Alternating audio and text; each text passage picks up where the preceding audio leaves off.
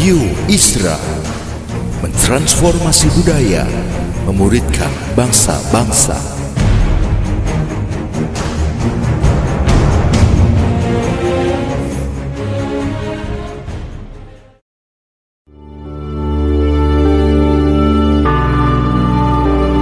Apostolic Prophetic Messages mengungkapkan pesan dan arahan dari hati Tuhan bagi gerejanya demi menuntaskan mandat kerajaan Allah di Indonesia dan bangsa-bangsa.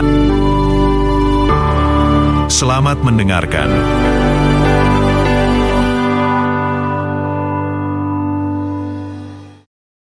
Shalom saudara-saudara, apa kabar? Puji Tuhan, pada pagi hari ini tentunya kita mulai lagi kembali lagi online dan kita berharap dalam waktu dekat kita sudah bisa ketemu kembali secara onsite. Nah, hari ini saya ingin menyampaikan uh, suatu kebenaran yang saya pikir semua orang sudah tahu, tapi cuma mau mengingatkan saja bahwa kita sekarang sekarang ini sedang masuk pada sebuah pertempuran-pertempuran yang sangat Eh, banyak ke depan. Disebabkan karena kita tahu bahwa ke depan ini pertempuran kita lebih banyak kepada pertempuran realitas. Ya apa sih itu? Apa sih? Nah ini. Ada banyak pertempuran yang kita tidak sadari. Ya ada banyak pertempuran yang kita tidak sadari. Tapi sebenarnya pertempuran itu udah berlangsung lama sekali ya. Kalau kita baca misalnya narasi Alkitab narasi Alkitab. Kita baca narasi Alkitab. Salah satu narasi Alkitab yang kita dapatkan itu adalah bahwa Tuhan kita yang adalah roh ingin menemukan keluarga, punya tempat di bumi ini yang sifatnya materi. Kan gitu ya. Jadi kemudian Tuhan menemukan umatnya dan dia mau tinggal dengan umatnya. Kan gitu ceritanya ya kan. Itu ceritanya dari awal kitab kejadian sampai nanti kitab wahyu kata itu. Dan Tuhan menjadi Allah mereka dan mereka menjadi umatnya dan mereka akan tinggal selama-lamanya. Yeah, it's kind of nice ya. Sepertinya uh, kita akan bersama-sama dengan Tuhan. Tapi kan ada ada masalah karena karena there different reality. Ada reality yang berbeda. God in the spiritual realm kita manusia ada dalam natural realm. Nah, kita kita kita tahu hal tersebut ya. Nah, ini hanya untuk mendudukan apa yang nanti bakal saya bahas. Tapi ya let's let's go through slowly. Nah, nah kita sudah tahu bahwa manusia punya realita, realita manusia itu adalah materi, betul ya? Tetapi ini yang kita harus mengerti. Manusia punya realita ternyata bukan cuma materi. Sebab manusia menurut 1 Tesalonika 5 ayatnya yang ke-23, manusia itu diciptakan sebagai apa? Roh, jiwa, dan tubuh. Dan Tuhan beri kepada manusia kemampuan untuk memiliki yaitu tiga realitas itu ya. Realitas yang pertama adalah tubuh manusia ini realitasnya adalah dunia materi. Ya iya. Hanya yang kelihatan yang terdengar. All the tangibles one okay? All the tangible ones like uh, merasa mengecap melihat mendengar. Semua yang sifatnya natural. Merasa panas dan seterusnya. Semua yang sifatnya materi. Itu ada pada tubuh manusia. Daging itu realita manusia. Dunia materi ya. Kalau saudara tidak punya tubuh ya sudah, saudara tidak boleh tinggal di dunia ini. Karena di bumi ini, saudara harus punya tubuh untuk bisa merasa, bersentuhan, berbicara, dan dapat dimengerti. Itu realita manusia, ya kan? Nah, tetapi manusia punya jiwa. Jiwa itu adalah realitas manusia yang akan memberikan kesadaran pada dirinya sendiri. Ya, dia bisa berpikir. Jiwa ini penting sekali dia berpikir Nah, jiwa ini sudah mulai ada di dua tempat. Dia mulai bisa berpikir materi, tapi yang yang kelihatan, tapi dia juga mulai bisa berpikir tentang hal yang tidak kelihatan. Misalnya ide, pemikiran, mimpi, keinginan. Itu kan semua nggak kelihatan, ya kan? Itu nanti termanifestasi kalau dia ada di tubuh, tapi semuanya nggak kelihatan. Saya tidak tahu pemikiran saudara, ya kan? Ya, saudara tidak tahu mungkin pemikiran saya, ya. Seandainya kita tahu semua pemikirannya orang, itu sudah mudah banget. Tapi ya belum tentu juga. Ya. Bayangkan kalau di kepala kita ada televisi yang beritahu semua pemikiran kita. Orang pasti bakal pakai topi itu. Dia akan tutup terus televisinya supaya nggak kelihatan. Semua orang bakal tahu pemikiranmu. Nggak semua orang tahu pemikiran. Ada beberapa orang yang menyembunyikan pemikirannya. Tetapi prinsipnya adalah ada realita. Jiwa kita mulai bisa mengetahui ada ada hal yang tidak terlihat, misalnya perasaan cinta, kasih itu kan nggak kelihatan ya, ya. Tapi nanti akan kelihatan kalau dia termanifestasi pada tubuh. Tapi cintanya nggak kelihatan. Iya. Ada orang yang udah ketemu udah seneng tapi dia pendam aja, nggak ketahuan sampai lama banget. Tapi itu perasaan ada itu real, ada realita yang tidak kelihatan. Nah, itu dia. Itu ada di jiwa manusia, tapi manusia kan bukan cuma uh, uh, tubuh dan jiwa, manusia punya roh. Nah, roh inilah yang memberikan kepada manusia realitas terhadap Allah yang adalah roh. Ya. Ya, dan itu itu penting sekali. Jadi kita kemudian sadar uh, dalam kehidupan ini realitas ini ada. Saudara bertemu dengan realita ini day in day out realita ini ada. Nah, tapi sekarang kita sedang hidup di sebuah realita yang baru ya kan? Yang disebut dengan virtual reality. Ya, ada ada sebuah realita yang ditawarkan kepada kita di dalam diri manusia sudah ada tiga realita itu. Itu bukan bukan hal yang baru. Kita udah terbiasa hidup dengan realitas ganda. Realitas ganda itu biasa banget. Nggak usah panik, realitas ganda itu ada.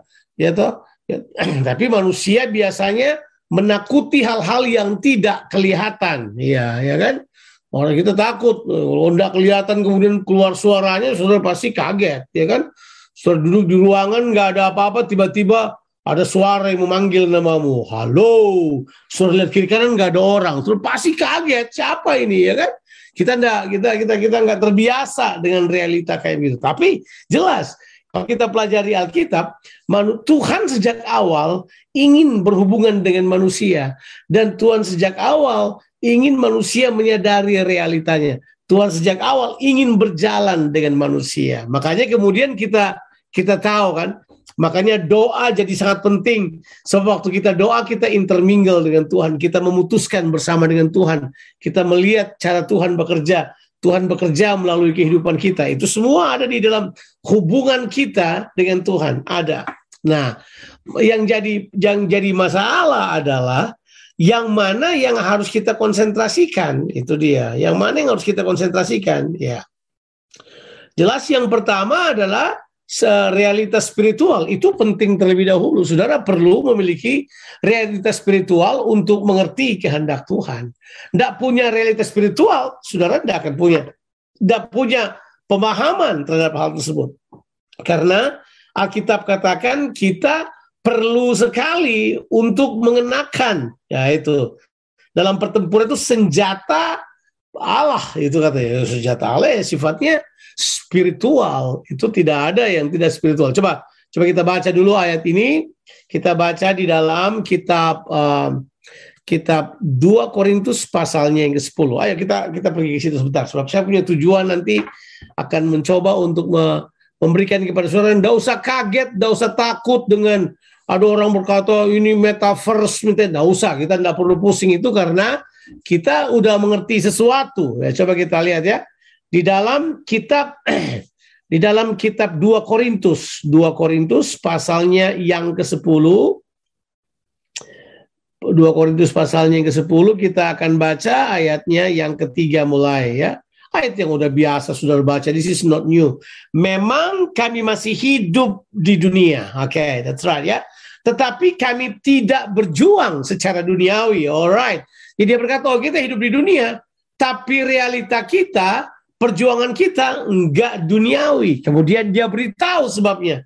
Sebab senjata kami dalam perjuangan bukanlah senjata duniawi, melainkan senjata yang diperlengkapi dengan kuasa Allah yang sanggup meruntuhkan benteng-benteng. Di ayat yang kita baca ini sudah ada tiga realita. Realita yang pertama adalah realita jasmani, realita yang kedua adalah kuasa Allah adalah realita rohani, kemudian di situ ada benteng-benteng. Ya, iya kan? Nah, tentu sudah tahu benteng-benteng itu berasal dari kata apa coba? Benteng-benteng itu adalah pikiran-pikiran manusia, kubu-kubu pertahanan yang dibangun di dalam pemikiran manusia. Saya boleh cek bahasa aslinya tentunya. Saya bisa cek kata yang dipakai di dalamnya. In fact, saya want to check it now. Right now, saya akan buka ayatnya di sini untuk lihat kata apa yang dipakai di dalamnya.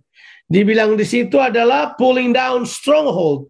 Kata yang dipakai di situ adalah okuroma. Okuroma itu adalah fortified ya. Fortified thoughts, cara berpikir yang telah menjadi kubu di atas kepala kita. Itu jelas. Jadi kita sudah lihat realitanya di dalam kehidupan kita ketiga realita ini bergerak. Realita fisik, realita uh, jiwa, dan kemudian realita rohani. Nah, Tuhan beritahu buat kita, dalam pertempuran kita, kita perlu diperlengkapi dengan kuasa Allah. Nah, itu dia. Mengapa demikian? Sebab begini, waktu manusia jatuh di dalam dosa, realita manusia dikuasai oleh roh jahat. Di mana roh jahat itulah yang kemudian menguasai jiwa dan kemudian menguasai daging manusia. Di situlah kita dilahirkan dan kemudian di situlah menjadi tempat di mana realita kita biasanya terkubur atau terkunci, lock in those two realities. Kita tidak bisa mengerti realitanya Tuhan. Tuhan bicara kita nggak paham. Tuhan datang pada kita kita kaget. Kita salah mengerti Tuhan karena memang it's a different reality. Nah di sinilah Tuhan mau beritahu buat kita bahwa hey Mari Tuhan mau mengajak kita untuk terus mengembangkan realitas spiritual kita dengan jalan apa? Ah iya, ada jalannya. Tuhan beritahu pada kita firman kebenaran. Itu prinsip yang harus kita ketahui. Jadi firman ini menjadi hal yang penting karena dia yang menjembatani antara alam daging dan alam roh karena firman itu sendiri telah menjadi manusia. Kita tahu waktu Yesus lahir, Alkitab beritahu buat kita, firman itu menjadi daging. Something spiritual, something so powerful, something so godly ya. Tuhan itu yang luar biasa. Eh, menjadi manusia. Kemudian kita lihat dia jalan, kita lihat uh, kasih karunia-Nya, kita lihat kebenarannya. Jadi kemudian kita akan menemukan realita spiritual, memahami realita spiritual lewat firman Tuhan. Nah, itu dia. Makanya waktu kita baca firman Tuhan, itu saudara bukan cuma sekedar membaca sebuah ide biasa, sebuah ideologi, sebuah pemahaman pengetahuan biasa, tapi saudara menangkap spirit, saudara menangkap roh. Betul ya? Coba kita baca ayat ini. Kita baca dalam Injil Yohanes pasalnya yang ke-17. Sudah sudah tahu itu is not a new thing. Ini adalah hal-hal yang kita sudah tahu, tapi saya cuma mau tekankan kepada kita supaya sudah tahu pertempuran kita di depan apa. Ya, nanti ya nggak tahu apakah kita mau bahas sedikit apa uh, tentang uh, convergence atau tentang uh, metaverse nggak tahu. Tapi saya cuma mau katakan buat kita sekalian bahwa bahwa dikatakan bahwa Tuhan berkata firmanmu itu adalah kebenaran. Firmanmu itu uh, dia menguduskan manusia. Karena firman itu adalah roh. Bahkan ditulis di dalam ayat yang lain. Firman Tuhan itu adalah pedang roh. Betul gitu kan? Kita sudah tahu hal tersebut. Bahwa kita tahu bahwa Tuhan oleh firmannya menjembatani kita untuk hal tersebut. Yang luar biasanya lagi, kita sebagai orang percaya, Roh Kudus berdiam dalam kehidupan kita. Jadi harusnya kalau kita uh, uh, uh, baca firman Tuhan, hidup dalam firman Tuhan, dan hidup dengan Roh Kudus, realita ini dapat menjadi apa itu? Tersambung. Kita dapat menjadi orang yang tersambung. Pernah nggak ketemu orang yang disconnected? Bukan cuma dia disconnected keluar, tapi dia disconnected di dalam. Antara roh, jiwanya, dan tubuhnya nggak nyambung gitu aja, gitu ya. Tak? Misalnya, uh, dia punya otak berpikir bagus, tapi yang dia buat lain. Pernah ketemu itu, itu namanya disconnected betul itu. Dia mau buat baik yang dia buat jahat. Itu Paulus katakan itu disebabkan karena dosa. Karena dosa. Dosa menguasai tubuh manusia. Oh dia tahu ada sebuah realita untuk berbuat benar, tapi dia buat jahat at the end of the day. Dia kemudian melakukan kejahatan. Jadi kemudian uh, apa uh, jiwanya tidak pikirannya tidak bisa mengendalikan tubuhnya, bahkan terbalik tubuhnya yang kendalikan pikirannya. Sehingga yang terjadi dia melakukan apa saja yang dia mau. Itu ciri orang yang tidak punya koordinasi yang bagus atau tidak tersambung di dalam dirinya. Sekali lagi, saya tidak berbicara psikologi, saya tidak mau uh, membahas itu secara serius. Sudah boleh tanya psikiater atau psikolog yang akan membahas hal tersebut. Tetapi yang saya mau katakan ini adalah apa yang kita beritahu buat kita sederhana untuk berkata gini, hey, kamu harus mengembangkan realita-realita ini. Dan untuk mengembangkan realita ini, terus belajar firman Tuhan, terus belajar firman Tuhan.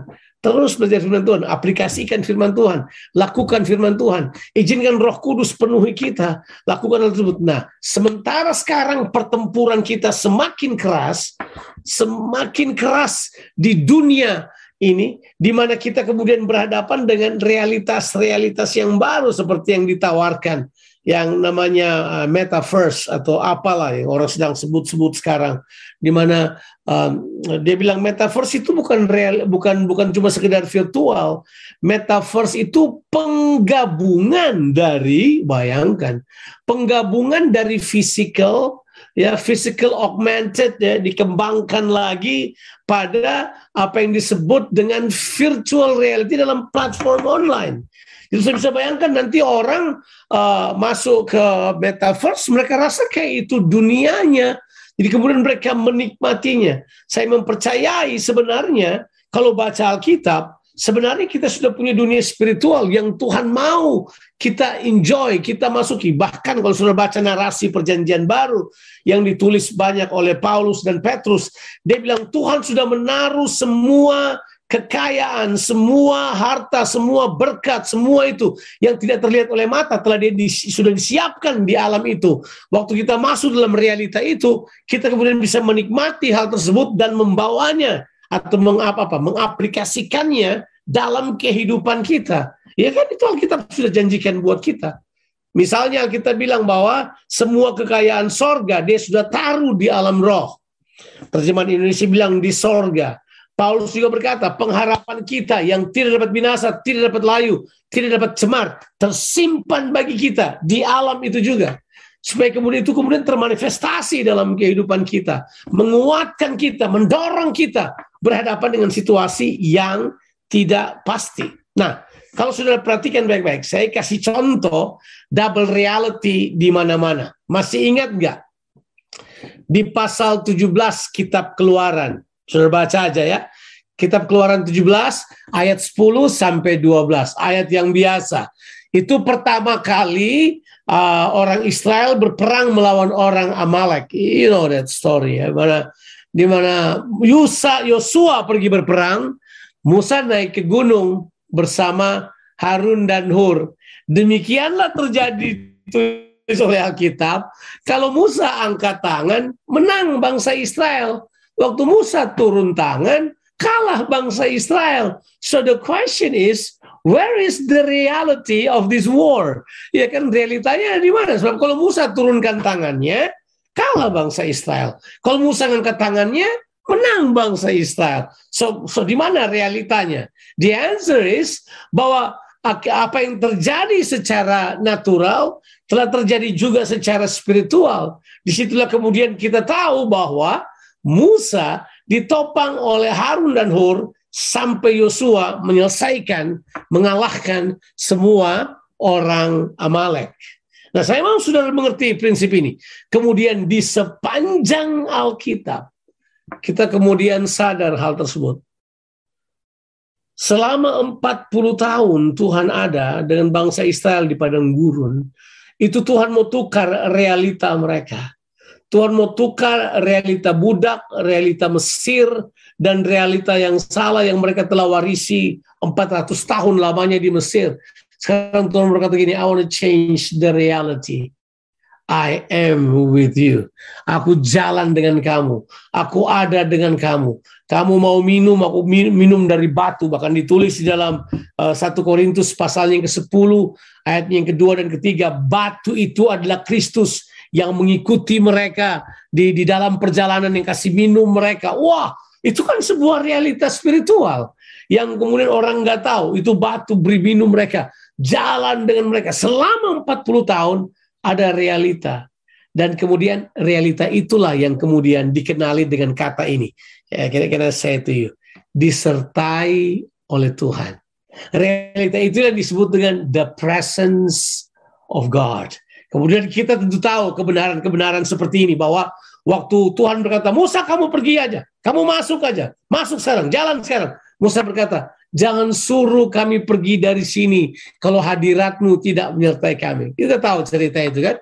Di dalam keluaran 33 sampai uh, kalau tidak salah Don Moen, Don Moen bikin sebuah lagu yang berjudul itu jika engkau tak bersamaku, ku tak mau berjalan. Itu kan? Itu itu kalau kamu nggak, kalau Tuhan tidak bersama dengan kami, kami nggak mau.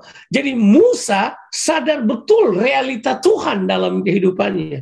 Nah di narasi-narasi Alkitab dibangun hal tersebut. Misalnya Yusuf karena disertai oleh Tuhan, dia berhasil. Itu ada narasinya. Narasinya bahwa Tuhan bersama dengan dia. Tuhan yang tidak kelihatan menyertai dia. Dia berhasil. Di mana pun dia pergi. Gideon, Daud, semuanya. Ditulis oleh Alkitab. Ini adalah orang-orang yang disertai oleh Tuhan. Ada different reality yang yang bersama-sama dengan mereka. Kita harusnya sudah paham hal ini. Mengapa? Karena ini ditulis di Alkitab. Ah, cuman sekarang kita lebih tertarik kepada sesuatu yang kelihatannya luar biasa. Sekarang datanglah yang namanya metaverse, virtual reality and beyond, ya kan? Ya, orang mulai berkata, "Oh, sekarang sudah bukan social media, sekarang metaverse." Di sosial media masih semuanya sifatnya sosial, sifatnya jiwa masih bisa. Sekarang kita mau tawarin pada saudara perpaduan di antara keduanya, antara fisik virtual dalam sebuah platform yang lebih jelas di mana di situ ada ekonomi, di situ ada politik, di situ ada dunia. You can build your own reality. You can build your own world. Mereka tawarkan buat kita. Orang tadi kita takut pergi ke situ. Kalau saya sih enggak. Karena saya pikir ada sebuah keniscayaan itu bakal terjadi. Itu pasti. Pasti hal tersebut terjadi. Tapi kita sebagai orang percaya, enggak. Kita tahu ada realita yang lain yang, yang ada bersama dengan kita. Ada realitas ilahi yang datang pada kita. Realitas itu melakukan banyak hal dalam kehidupan kita. Melindungi kita, menjaga kita, menyembuhkan kita. Ada bersama dengan kita. Realitas itu ada. Dan itu real. Sekarang saya tanya pada saudara. Saudara sadar nggak realitas itu? Ada yang berkata ya iya sadar dong Pak, kan itu iman namanya. Karena ada iman kita kemudian punya kesadaran itu. Nah kalau gitu bangun itu, perluas itu. Jangan cuma sekedar biasa-biasa aja, perluas realita iman itu.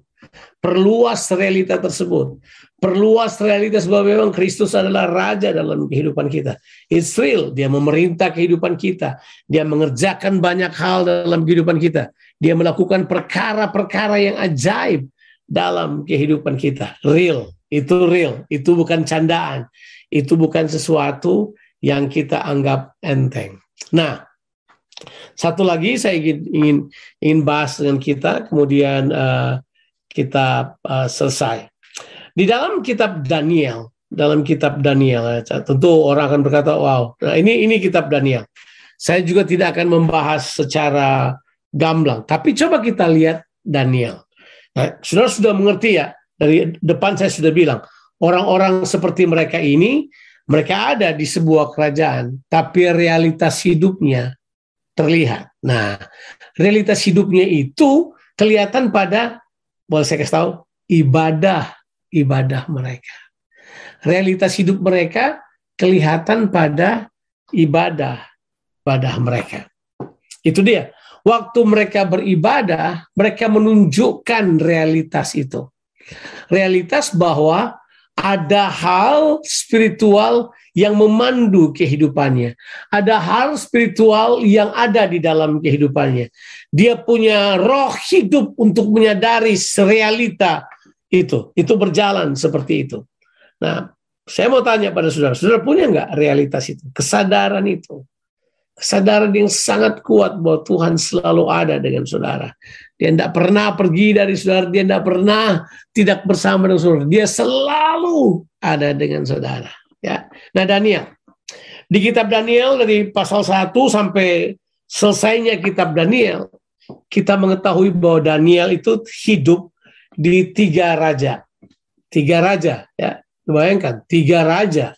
Nebukadnezar, terus kemudian Belsasar, kemudian Darius. Kita tahu tiga, tiga raja tersebut. Daniel pasal 1 sampai pasalnya yang kelima, kita tahu itu adalah Nebukadnezar. Ya kan? Kemudian sudah tahu selebihnya adalah Darius dan Belsasar. Mungkin pasal 3, pasal 4 sudah sudah Belsa, sudah Belsasar, Darius pasal 6. Tapi kita tahu itu raja yang yang yang ada. Jadi Daniel ada di di tiga raja. Tapi tiga raja itu juga berganti pemerintahan dengan lama karena kurun waktunya cukup lama, ya kan? Ya, Eh, misalnya uh, Babilonia rajanya adalah Nebukadnezar. Tapi begitu sampai ke Belshazzar itu sudah bukan, sudah bukan, sudah bukan Roma. Mereka sudah Medi, media, media, media. Kemudian yang terakhir sudah media Parsi, ya. Jadi sudah berganti kerajaan, dia sudah berganti kerajaan berganti uh, penguasa. Nah, yang paling luar biasa adalah saya mau katakan ini. Dia ada di tiga kerajaan, tapi realitas hidupnya tetap kerajaan Allah. Itu kagum saya. Realitas hidupnya tetap kerajaan Allah. He was he was under Babylonian, he assembled uh, Medo uh, Parsi, he under Medos. Di, dia tetap he still under the kingdom of God. He's still under the rulership of God. Dan itu terlihat pada penyembahan-penyembahannya. Itu terlihat pada ibadahnya. Terlihat pada apa yang dia katakan. Nah, saya tidak menekankan ritual, as you know me.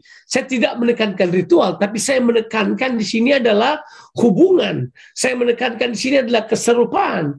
Saya menekankan di sini adalah praktek iman kita sebagai ibadah kita. Itu yang sangat penting. Yuk, pertahankan hal tersebut.